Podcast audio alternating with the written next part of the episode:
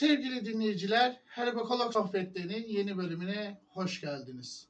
Bugün yine size çeşitli düzenlediğim konulardan, çeşitli kelimeler üzerinden aslında genel olarak bir şeyleri anlattığım bir yayın yapacağım ve bu anlattığım, verdiğim bilgilerin üzerinde kendi bilgilerim, her şeyi bildiğimi iddia ettiğim ya da belki de bildiğim konular üzerinde bilgiler vereceğim ve bu bilgileri istediğiniz gibi istediğiniz yerde kullanabilirsiniz. Genel kültürünüzü arttırabilirsiniz. Yayının amacı bu şekilde olmakta.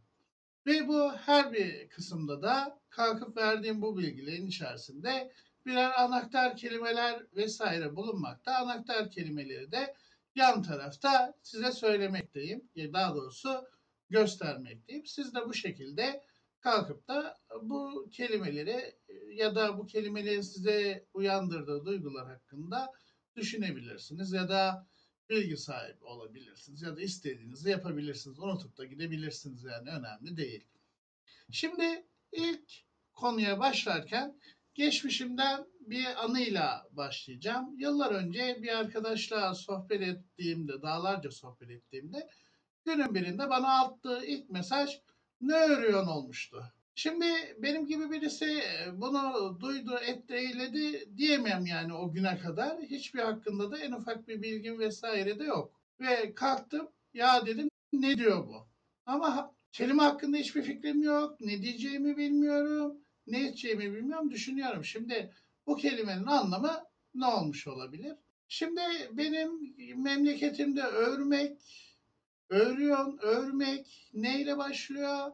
Kusmak, niye kusuyorsun vesaire. Dedim ki herhalde hasta olduğumu falan söylemişim daha öncesinde midemin bulandığını vesaire.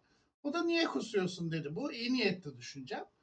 Yok iyi niyetli olmuş olmasaydım şöyle bir derdim var. Yani karşımda bana yazan kişi de bir kadın yani. Kalkıp bir pot kırmış olabilirim, bir şeyler yapmış olabilirim ve bayağı bir bana karşı büyük bir de siniri, sıkıntısı vesaire de olmuş olabilir. Kalkıp da ne kusuyorsun, ne saçmalıyorsun deyip ağırdan tekme tokat bana girmiş de olabilir yani. Hiçbir fikrim yok. Ve bu bir de chat üzerinden yani onu gördüğüm yok. Mimiklerini bilmiyorum, ses tonunu bilmiyorum. Sadece karşımda bir tane yazı ne örüyor. Tabii bu sırada böyle anlık çok hızlı düşünmeler yapıyorsun. Yani ne anlama gelebilir, ne demek istiyor bu. Yani kafayı yoruyorsun ama bu bayağı bir kısa bir süreli bir düşünme olmuş oluyor. Yani çünkü bir anda cevap vereceksiniz. Çünkü ne yazık ki gelen mesajı göründü olarak işaretledim ki bu olayın bile yine geçmişi vardır bir 10 sene belki de 15 seneye falan yakındır yani. Dedim ki iyi niyetli tarafından gideyim. Hasta değilim ki kusmayacağım falan vesaire dedim. Ve arkadaş kalkıp yok ya onun anlamı o değil nasılsın ne yapıyorsun demek benim orada deyip bana bunu açıkladı. Yöresel kelimelerle iletişim kurmada böyle bir sıkıntı var. Yani karşıdaki kişi aynen yöreden gelmiş olmayabilir. O yöredeki insanları tanımıyor olmuş olabilir, bilmeyebilir ve konuşmadığında da o kelimeleri bilmiyor. Benim de yani doğduğum şehirden geldiğim ve kullandığım sadece oraya özgü kelimeler var. Üniversiteye ilk başladığımda bu kelimeler bayağı bir sıkıntı çıkarmaya başladı. Çünkü ben doğduğum şehirden gelmişim Ankara'ya üniversite kazanıp okumaya. Hal böyle olunca konuşmaya başladım ve yaşadığım şehirde kullandığım kelimeler insanların hani doğal olarak kullandığı kelimeler ve hiç kimse yani anlamakta güçlük çekmiyor. Kalkıp da hep bunu kullanarak da devam ettiğim için bugün dediler ki Kazım sen nece konuşuyorsun? Anlamıyoruz dediğini ben bu sefer her bir kelimenin teker teker açıklamasını yapmaya başladım ve bazı kelimelerin açıklamasının bile ne olduğunu kendimin bile bilmediğine farkına vardım. Daha doğrusu yani açıklayabiliyorum yani onun karşılığında herkesin kullandığı ne bileyim özellikle İstanbul Türkçesinde kullanılan kelime karşılığını bilmiyorum. Ben de yapıyorum bu sefer yabancı ki dilden ki, açıklama bile yapmıştım olmuştu. Özellikle bizim orada mesela örnek vereyim ağrı kelimesi güzel bir edat olarak kullanılıyor. Yani vücudumuzdaki ağrı ya da ile olan ağrıdan bağımsız olarak ağrı kelimesi bir dönme noktası olarak kullanılıyor yolculuk sıralarında vesaire. E, düşünüyorum düşünüyorum yani bunu nasıl açıklayabilirim? Yani örnek cümle içerisinde kurarak insanların zihninde vesaire bir bilgi de uyandıramıyorum da yani. E ben de dedim ki İngilizcesi var ya. Ya öyle mi diyor. öyle bir kelime mi olur falan diyor ama yani yöresel dilde var bu. Başka bir ildeki bir insan bilmek zorunda değil ve bu ne örüyor? Gerçekten benim için o dönemde baya böyle fazlasıyla bir şey uyandırmıştı. Triggerlanmıştım. Şimdi burada da yabancı kelime kullandım. Böyle uyarıldım yani. Ne oluyor? Bir problem mi çıkacak? Dövüşe mi gireceğim? Kavgaya mı gireceğim? Meğersem öyle değilmiş. Ne haber, nasılsın vesaire halatır sormak için başladığı bir cümleymiş. Ama tabii o sırada bunu ilk duyduğumda baya baya korkmuştum. Yani hayatımızda böyle bizi korkutan, eden, eğleyen, zorlayan şeyler var. Hazır nöryonla başlamışken bir sonraki de konuşacağım konu da bununla benzer bir konu olsun.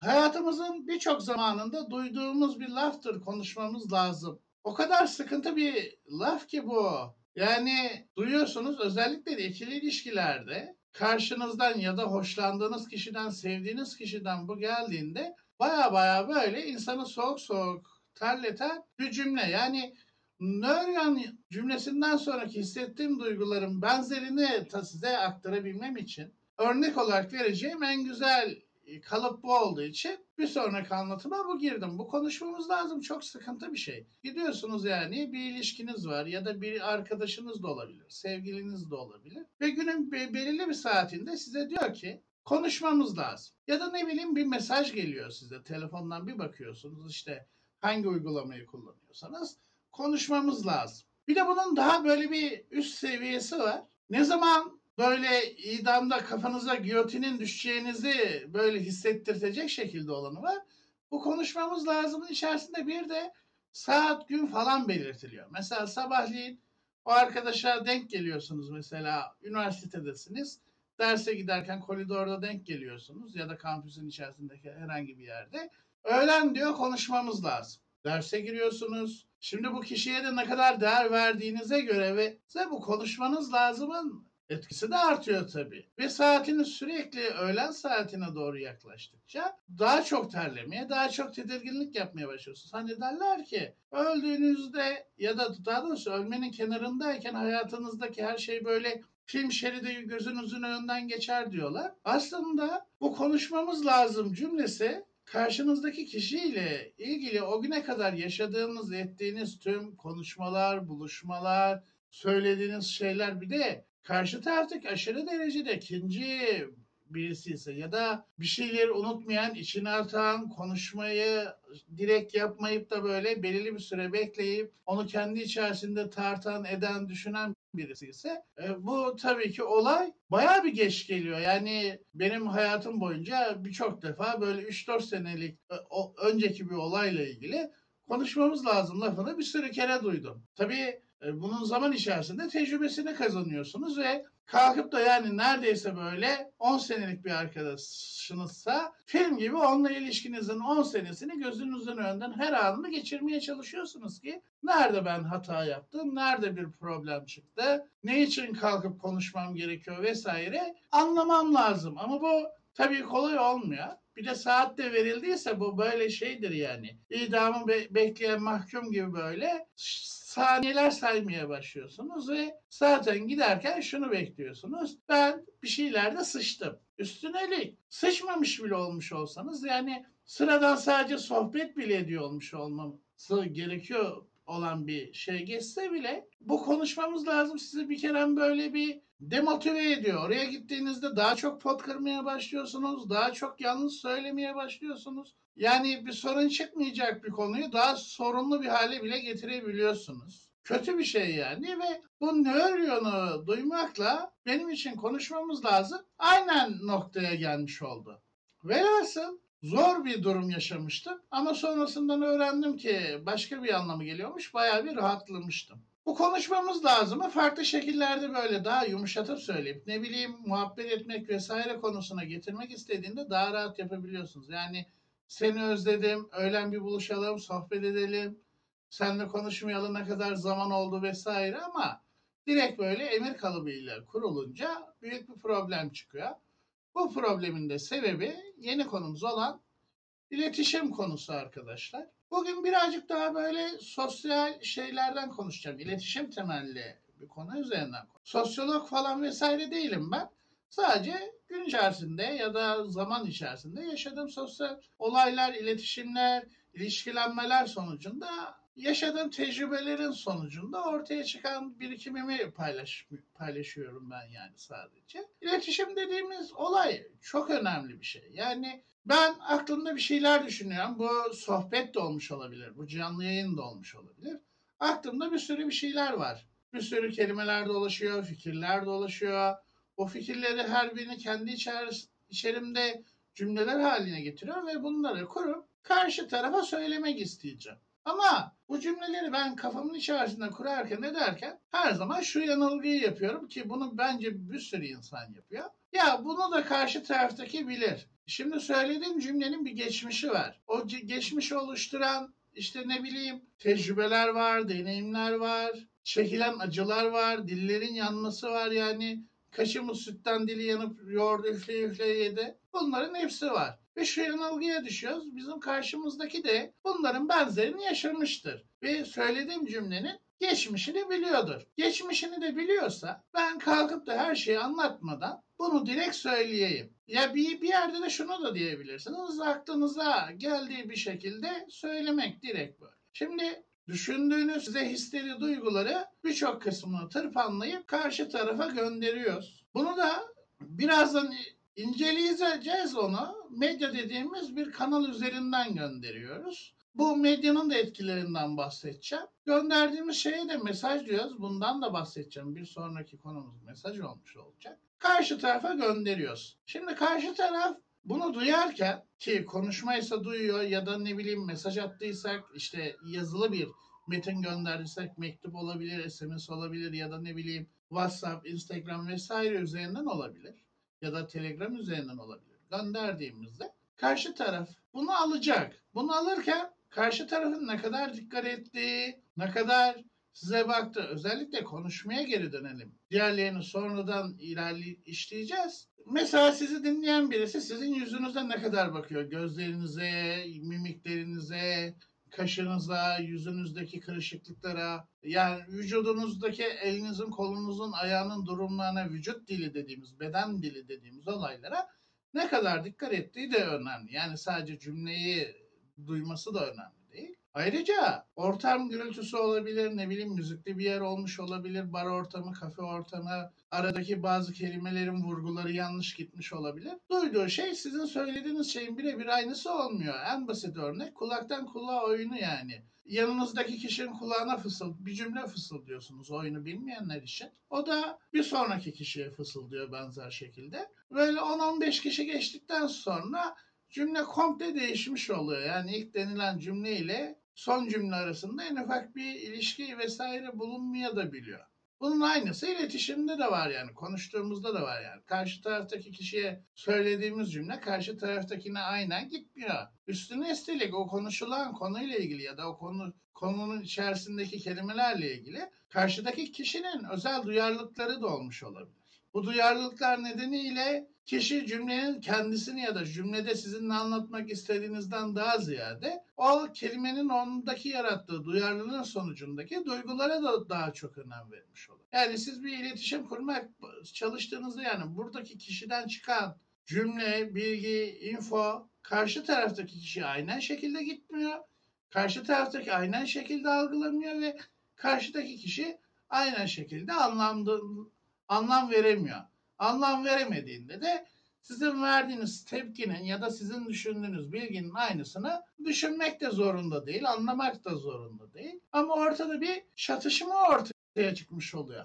Karşıdaki kişi ne demek istiyorsun diyebiliyor ve bunu deyiş şekli de dinleyen kişi için de bayağı bir gocundurucu da olmuş olabilir. Zoruna giden bir şey de olmuş olabilir. Böylelikle arada bir iletişim problemi ortaya çıkıyor. Üstüne bu problemle beraber de doğal olarak bu tartışmaya, tartışma çözülemediğinde kalkıp da bu olay şuna da dönmüş olabiliyor. Kavgalara, kalp kırıklıklarına da dönmüş olabiliyor. Yani iletişim dediğimiz olay gerçekten baya baya üzerine dikkat etmemiz gereken bir konu. Ama bunu yapmıyoruz yani kalkıp konuşuyoruz. Gerçi şu da var. e, bu çocukluğumuzdan beri iletişim problemlerimizden dolayı ki hepimizin iletişim problemleri var. Bu iletişim problemlerinin sonucunda herkesle zaten arkadaş olamıyoruz. Herkesle uyumlu yaşayamıyoruz. E ne yapıyoruz? Kendimizi anlayabilen insanları seçiyoruz. Kendimize bir grup oluşturuyoruz ve sadece o grupla arkadaşlığımızı devam ettiriyoruz. Bazen de o grup zaman içerisinde azalmış oluyor. Özellikle de ne kadar çok yaşlanıyorsak e bu sefer de o grubun içerisindeki insanlar azalmaya başlıyor arkadaş sayılarımız azalmaya başlıyor. Hadi onu bırakın. Yeniden arkadaş edinmeye çalıştığımızda baya baya problemler de yaşamaya başlıyoruz. Çünkü ya- yaşadıkça daha çok sene geçirdikçe hayatımızda bu sefer ne olmuş oluyor? Deneyimlerimiz farklılaşıyor. Kelimelere duyarlılıklarımız farklılaşıyor. Anlatmak istediklerimiz, bilgi, birikimlerimiz farklılaşıyor. Bu da iletişimi zorlaştırıyor. Şimdi iletişimde şundan bahsetmiştim. İki kişi arasında bir bilginin gidiş gelişi var. Bu bilgine, bilgiye de biz iletişimde mesaj diyoruz. Bu mesaj mektubu yazdığınız olabilir, SMS olabilir, olabilir, işte ne bileyim konuşma olmuş olabilir ya da bu mesaj sadece attığınız bir resim de olmuş olabilir. Bir story olmuş olabilir. Özlü söz olmuş olabilir. Her şey mesaj. Şimdi mesajla ilgili en büyük problem aslında biraz önce de bahsettim. İns- insanlar mesajın kendi anlatmak istediği asıl şeyden daha çok o mesajın üslubuyla ilgilenir. O mesajın içerisindeki kelimelerle ilgilenir. Çünkü o mesajın üslubu, içindeki kelimeler bunların hepsinin karşı tarafta uyandırdığı bir duygular vesaireler var. Bu nedenden dolayı bunlar çok önemli bir şey. Ve ne yapmanız gerekiyor bir müddet sonra? Bu kalemun gibi yaşamaya başlayabilirsiniz tercih olarak. Şunu diyebiliyorsunuz ya kardeşim ben karşıdaki kişinin bütün bilgilerini, her şeyini, özelliklerini, duyarlılıklarını, neye dikkat edip etmediğini vesaire hepsini öğreneyim. Kurduğum cümleyi, yazdığım yazıyı bunların hepsini buna göre hazırlayayım edeyim. Tabii karşıdaki kişiyle birebir bir iletişim varsa bu kolay bir şey. Çünkü tek bir şey, kişiyle ilgilenebiliyorsunuz. Ama bir grup içerisindeyseniz bu durum birazcık zorlaşıyor. Çünkü bu sefer artık sadece bir kişinin duyarlı olduğu kelimelerle değil, birçok kişinin duyarlı olduğu kelimelerle konuşmanız gerek. Ne yapıyorsunuz? Daha fazla dikkat ediyorsunuz. Daha fazla işte önem veriyorsunuz. Üslubunuza daha çok dikkat ediyorsunuz. Yaptığınız mimiklere daha çok dikkat ediyorsunuz. Bir müddet sonra bu mesajın içerisi tırp tırpana tırpana gidiyor. Ya da bunların hiçbirini yapmıyorsunuz. Böylelikle ne olmuş oluyor? İletişim problemleri yaşayan birisine dönmüş oluyorsunuz. Tabii bu aslında kişisel bir problem olmaktan daha ziyade işte bulunduğunuz grupla vesaire dediğim gibi alakası var. Yani yaşlandıkça da ki bu yaşlanmayı da kötü anlamayın yani. Şimdi burada da mesela bir cümle söyledim. Yani yaşlılık kötü bir şey değil. Bir tecrübeler vesaire kazandıkça kalkıp artık bu size yorgunluk vermeye başlıyor. Yani 10 kişinin arasındayken 10 kişinin onunla da uyum sağlamak yorucu geliyor. Onun yerine diyorsunuz ki ya bir iki kişi olsun, öz olsun, güzel olsun vesaire diyorsunuz. Mesaj olayı böyle bir şey. Yine mesaj konusunda elinizden gelenleri yapabiliyorsunuz. Bunun daha kötü bir tarafı var. Bu kötü taraf da yeni kelimemiz medya. Medya mesajı ilettiğiniz araç anlamına geliyor. Yani medya sadece TV kanalından yapılan bir yayın vesaire olmaktan daha ziyade medya sizin için bir yol. Bu mektup olmuş olabilir, telefon olmuş olabilir, ne bileyim mesajı gönderdiğiniz telefonunuzdaki uygulama olmuş olabilir. Bunların hepsine medya diyoruz. Özellikle de karşılıklı konuşma yapmadığımızdaki yaptığımız araç yani. Bu medya ile ilgili en büyük problemimiz de şu olmuş oluyor. Şimdi yüz yüze konuşurken dedim ya daha öncesinde beden dilimiz var. Yani yaptığımız mimikler, bakışlarımız, ne bileyim dudağımızdaki hareket, elimiz, kolumuzun, bacağımızın bacağı üzerine atması, baktığımız kişiye hangi açıyla baktığımız, işte böyle yandan mı bakıyoruz vesaire. Bunların hepsini yaptığımızda gönderdiğimiz mesajın içerisine duyguları da ekleyebiliyoruz. Ama gel gelelim biz bunu yazılı bir yöntemle yolladık. Yani medya aracılığıyla yazılı olarak yolladığımızda e, metin duygularımızı beraberinde taşımıyor. Bu da çok büyük bir probleme neden olmuş oluyor. Yani bu konuşmamız lazıma geri dönecek olursak, biraz önce söylemiştim. Karşımızdaki kişi bunu e, eğlenerek, bilerek söylediğinde belki çok fazla dert etmeyeceğiz ama telefona gelen bir konuşmamız lazım mesajı baya bir sıkıntı olmuş olabiliyor. Çünkü o konuşmamız lazımın söyleyen kişinin niye söylediğini, nasıl söylediğini, hangi duygular olduğunu beden diliyle okuyamıyoruz. Bu bizim için baya baya büyük bir e, sorun çıkartıyor. Çünkü medya bizden neleri kırpmış oluyor, tırpanlamış oluyor duyguları. Duyguları iletemediğimiz için de yanlış anlaşılmalar gitgide daha fazla hale gelmiş oluyor. Bunu çözmek gerekiyor aslında. Bunu çözmek için de ne yapıyorsunuz? Okunamayacak kadar uzunlukta mesajlar atmaya başlıyorsunuz. Yani yaşamıştırsınız işte bir arkadaşınızla kavga ettiğinizde ya da sevgilinizle vesaire kavga ettiğinizde ya bir mesaj geliyor ya tamam diye bitiyor ya da böyle bir mesaj geliyor mesajın kendisi tek bir mesaja sığmamış karakter sayısı iki mesaja bölünmüş üç mesaja bölünmüş oku oku bitmiyor. Çünkü mesajı yazan kişi gönderdiği aracın içerisinde duygusunu iletemediğinin de farkında olduğu için o duyguyu belirtebilmek için bir sürü cümle kurmaya başlıyor. Hislerini anlat. Ama daha öncesinde bu iletişim kısmında da söyledim. Aklımızdan geçenleri yazıya birebir dökemeyiz ya da konuşmaya da birebir dökemeyiz.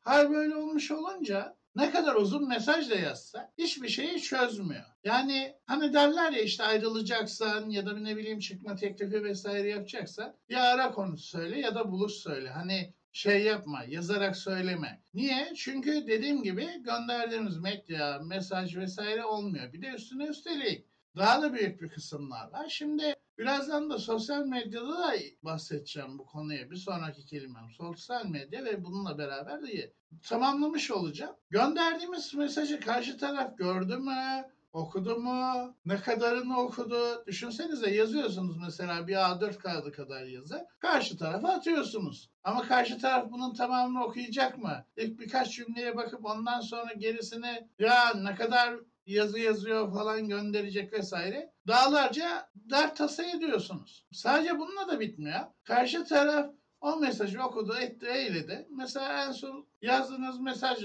bunları bir daha yapma vesaireyle git bitti. Karşı taraf size cevap dönüyor. Tamam diyor ya da peki diyor. Üstüne üstelik bu tek kelimenin sonucunu da nokta ile bitiriyor. Bunu ben çok geç öğrendim. En geç öğrendiğim şey bunu bu yazılı mesajda noktayla bitirmek. Çünkü nokta koymak bir jargon oluşmuş ve bu jargonda noktayı kullandığınızda karşı taraf hani konuşmayı bitirme, kızgınlık, trip atma vesaire olarak yorumluyormuş. Ben de el alışkanlığı bütün cümlelerimin de sonuna nokta koymaya da çok dikkat ediyorum. Ki bu tek kelime de olabilir. Tamam ya da peki gibi kelimeler de olmuş olabilir. Bunun deli gibi uyarısını da aldığım bir konuydu yani. Kal bir bakıyorum ya sen bana kızdın mı? Niye bunu yaptın? Bir de karşıdaki kişiyi de düşünün. Size duygusal olarak bir sorun yaşamış, etmiş, eylemiş ve size üşenmemiş ki mesajı yazarken cep telefonuyla özellikle atıyorsa e, dağlarca tuşa basıyor. Evet eyle yani bilgisayar klavyesi kullanmak daha kolay olmuş olabilir. Ya da ne bileyim bu işi sözlü yapması daha kolay olmuş olabilir. Ama onun yerine bir sürü emek sarf ediyor, eğiliyor. Bazen yanlış yapıyor, siliyor, ediyor, eğiliyor. O kadar emek harcadığını düşünüyor ki gerçekten harcıyor. Ve bu size geldiğinde siz geriye sadece bir peki ya da tamamla dönüyorsunuz ya da başka bir şeyle de dönmüş olabilirsiniz. Bir önemi yok yani. Önemli olan karşıdaki kişi sizin kurduğunuz cümleden sizin anladığınızın hissettiği duygusunu alıp alamamak. Ama tabii medya cevaptaki şeyde duyguyu da göndermiyor. Yani karşıdaki kişi bana tamam yazdığında o tamamı belki yüz, yüz yüzünü görmüş olsaydım mesela yüzünde bir sürü pişmanlıkların olduğu, üzüntü içerisinde olduğu bir tamamda olmuş olabilir. Ya da peki dediğinde de böyle olmuş olabilirdi. Ama ben onu mesajda gördüğümde böyle görmüyorum yani. Orada sadece bir tamam yazıyor. Şimdi bu da bir de şunu da uyandırıyor karşı taraftaki alan kişide cevabı. Mesajı acaba okudu mu baştan sona? Acaba beni anladı mı? Beni anladığını belirtecek niye uzun uzun yazmadı? Tabii bu medya sesli görüntülü olmadığı takdirde böyle beklentileri de arttırmış oluyor. Daha çok işte tartışmaları vesaire sebebin olmuş oluyor. Şimdi bunun tamamını çözmeye çalışıyorlar. Şimdi eskiden sadece SMS vardı yazılı metin gönderirken. Bir de o da çok da pahalıydı. Yani kontörünüz bitiyordu, dağlarca fatura gelecek olayınız vardı. Baya böyle kısaltılarak edilerek de yazılırdı bir de. Yani ben hatırlıyorum lise yıllarında SMS'lerin içerisinde sesli harf bulunmazdı. Arapça, Latin harfleriyle yazılmış Arapça okumak gibiydi. Yani Arapçada sesli harfler yazılmaz genelde. Çok ender yazılır. Sadece sessiz harfler yazılır ve kapsamdan hangi kelime olduğunu çıkarmaya çalışırsınız. Yani aynen sessiz harflerle bir sürü kelime de olmuş olabilir. Gelen SMS'iniz de bu şekilde. Yani size bir SMS geliyor ve SMS'in içerisinde hiçbir sesli harf yok. Kalkıp da eğer cimrilik yapmadıysa boşluklar var ama cimrilik yaptıysa o boşluk karakterleri de yok. Şu, şu anda gülüyorum ama aklıma şey geliyor işte. Artık insanlar birbirlerine metin mesajları gönderirken uygulamalardan rastgele gülme dedikleri olaylar yapıyorlar. Rastgele harf yazıp gönderiyorlar güldüklerini belirtmek için. Bir zamanlar gelen SMS'ler, kavga SMS'leri bu şekildeydi ve o SMS'lerin içerisinde ne denmesi gerektiğini anlamaya çıkartıyordunuz. Ama çıkartamıyorsunuz da yani kim yerde. Sonra ne diyorsun sen diye mesaj atmaya da başlayabiliyorsunuz yani. SMS'ler ne ilişkiler bitirmişti o dönemlerde. Bu 100 kontürlü 10 SMS atıldığı vesaire dönemler vardı yani. Sonra sonra şimdi internetin yayın, yayılmasıyla beraber bunların çoğu azalmaya başladı. Daha uzun yapabiliyoruz ve eskiden o sessiz harf göndermeler artık rastgele daha doğrusu random gülme diyorlar. Random gülme yaptıkları olaylara döndü. Hatta internetin gelişmesiyle beraber artık sadece metin mesajı göndermeye de gerek kalmadı. Ve yeni kelimemize ve son kelimemize dönelim, gelelim. Sosyal medya konusu. Şimdi artık sosyal medyamız da var. Yani eskiden sadece medya üzerinden yani kişisel olarak gönderdiğimiz veri iletişimimiz sadece metin üzerindeyken bu sosyal medyanın gelişmesi ve sosyal hayatın zaman içerisinde internet üzerine de doğru gitmesi hatta denir yani sanal aşklar, sanal arkadaşlıklar vesaire oluşmasıyla beraber sosyal medya bayağı bir önem de kazandı. Bir sürü uygulamalar çıkarttı çıktı. İşte Facebook'un gelmesi, Facebook sonra Instagram vesaire beraber bayağı bir görsel paylaşım da artmaya başladı. Yani insanlar bir fikrini, bir mesajını gönderirken bazen anlamlı, bazen hiçbir alakası olmayan bir tane fotoğrafın üzerine, altına, üstüne yazı yazarak göndermeye başladı. Yani bir gül resmi koyup yan tarafına aşkını ilan edenler vesaire olayları da başladı. Çünkü artık birisinden bir başkasına görsel göndermek baya baya kolaylaştı. Çünkü internet hızımız da arttı. Eskiden 56K modemle internete girerken 145 ile 100 146 ile o modem sesini duyup da internete girdiğimiz dönemlerde en ufak bir resmi açmamız böyle birkaç dakika sürerdi ki o sü- süreç içerisinde internet bağlantısının da kopma ihtimali vardı ve lanet olsun o dönemlerde resmin tamamı açılmadıysa kullanılan tarayıcı bütün resmi silerdi. Yani resmin yarısını bile göremediğimiz dönemler olurdu yani. Şimdi daha çabuk atabiliyoruz. Bırakın artık resmi atmayı. Küçük videolar çekip de atabiliyoruz. İşte hikaye paylaşıyoruz vesaire Instagram'da, Facebook'ta ya da ne bileyim canlı yayın açabiliyoruz. Şu anda benim yaptığım gibi bir şeyler anlatmaya, söylemeye çalışıyoruz. Eskiden bunlar zordu. Bugün daha çok yapıyoruz. Ama bir yerde yine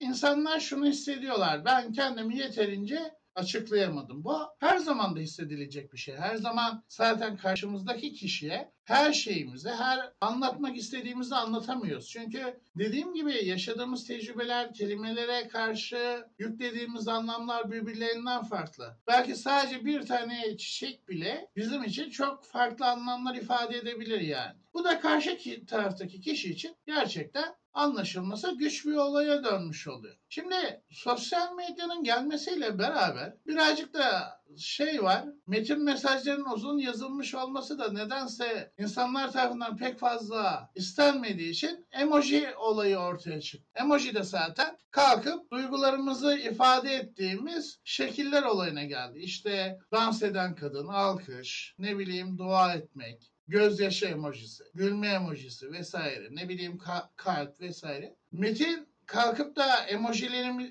duygularımızı anlatamadığında biz bu sefer sosyal medyanın da gelişmesiyle beraber metinlerin içerisine emojiler koymaya başladık. Bu emojiler ilk defa çıkmış bir şey değil ya. Biz eskiden 90'larda SMS attığımız dönemde de ASCII karakterleriyle emoji falan yapardık. İşte mesajı gönderdiğimiz arkadaşımızın telefonun ekran çözünürlüğünü kaça kaç karakter gösterdiğini aklımızda tutup dedim ya iletişim kurarken karşı taraftaki kişinin tüm özelliklerini bilmek önemli. Hatta şey yapardık yani. İşte kimler o 3210 kullanıyor, kimler işte Ericsson kullanıyor falan bunların listesini tutar. ASCII art denir buna. ASCII karakterleriyle beraber resimler yapar gönderirdik yani. Bayram mesajları da olsun. Ne bileyim sevgi cümleleri de olmuş olsun. Her şey gönderilirdi yani bu şekilde. Onun yerine şimdi ekranlarında piksel sayılarının vesaire artmasıyla beraber küçük küçük resimler halinde duygularımızı göndermeye başladık. Şimdi bir yandan bakınca bu şekildeki iletişim de bir yere kadar kalkıp problemlerimizi çözüyormuş gibi gelse bile işin aslında şöyle bir taraf var. O kadar çok emoji var ki hangi duygumuzu hangisini ileteceğini falan seçmek, aramak vesaire zorlanıyoruz bir noktada. Yaz yaz yaz insan bakıyor. Bir de elimizdeki akıllı telefonlarda istatistik olarak en çok hangi emojileri kullandığımıza bakıyor. Biz kalkıp ne yapıyoruz? Sık kullananlar içerisindeki o anki duygumuza en yakın emojiyi seçip karşı taraftaki kişiye gönderiyoruz ki gönderdiğimiz mesaj kalksın duygumuzu ifade etsin. Üstüne üstelik bunda da kalmıyor. Mesela örnek vereyim Instagram'da story bir tane story'i beğendiğimizde o story'yi neye göre beğendiğimiz, hangi duyguya beğendiğimizi alttan mesaj yazarak gönderebiliyoruz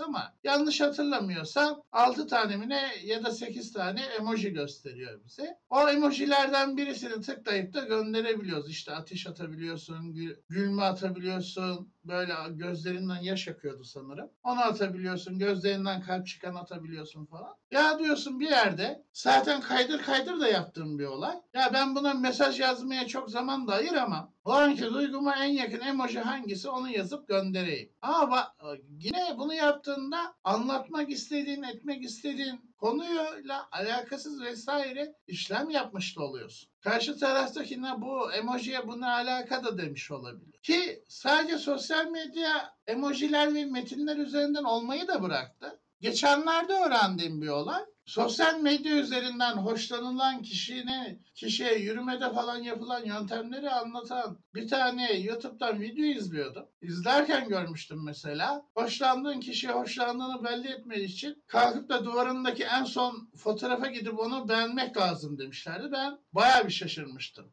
Niye falan diye soruyorlar işte bunun sebebi niye ne olduğunu ve karşı tarafta diyor ki bunun sebebi ben senin işte geçmişinde senin unuttuğun bile fotoğrafı hatır gördüm, beğendim, ettim, eyledim vesaire diye yürüm, yürüyorum. Bunun mesajını veriyorum demişti. Ben gerçekten şaşırdım. Yani kalkıp da bunu yazmak, etmek, eylemek varken ki yazmak bile şey yani görmediğin bir insana niçin yürürsün sadece kalkıp da sosyal medyasındaki fotoğraflara bakıp onu da anlamayan birisiyim. Yaşlı olduğum için herhalde bunun sebebi böyle. Ama kalkıp da bu şekilde yapıp buna bu anlam yükleyip göndermek çok garip geliyor. Çok garip gelmesinin sebebi de şu. Bunu gönderdiğinde karşı taraftaki kişi bakalım nasıl anlayacak. Yani senin niyetin oradaki fotoğrafın en son fotoğrafı beğendiğinde işte bak ben sen en sonuna kadar beğendim. Seni unuttuğum fotoğrafı bile beğendim dediğinde karşı taraftaki kişi ne anlayacak? Senin o göndermek istediğin mesajı alabilecek mi? Dediğim gibi yani yeniden geri dönersek konuya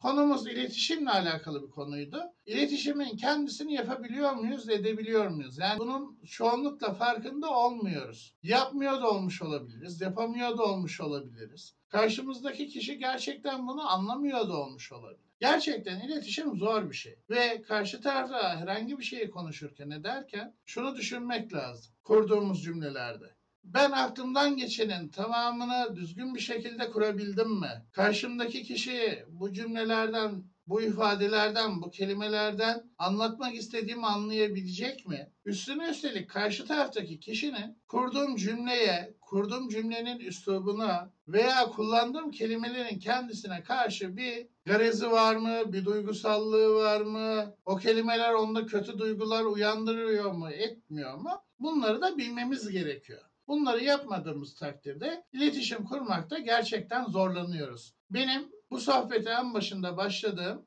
karşımdaki ilk gördüğüm mesajın nöroyon olmuş olmasından bakın iletişimin ne kadar karmaşık ve kompleks olduğu kısmına kadar gelip konuştum durdum. Birçok şey anlattım. Belki dinlediniz, belki dinlemediniz. Belki anlatmak istediklerimi anlatabildim veya anlatamadım. Bugünkü konumuz dediğim gibi iletişim konusu üzerineydi ve burada bu sohbeti, bu herbokolog sohbetlerini bitiriyorum. Haftaya yeniden görüşmek üzere yeni bir yayında değişik konular üzerinde değinerek anlattığım bir yayın olacaktır. İyi akşamlar.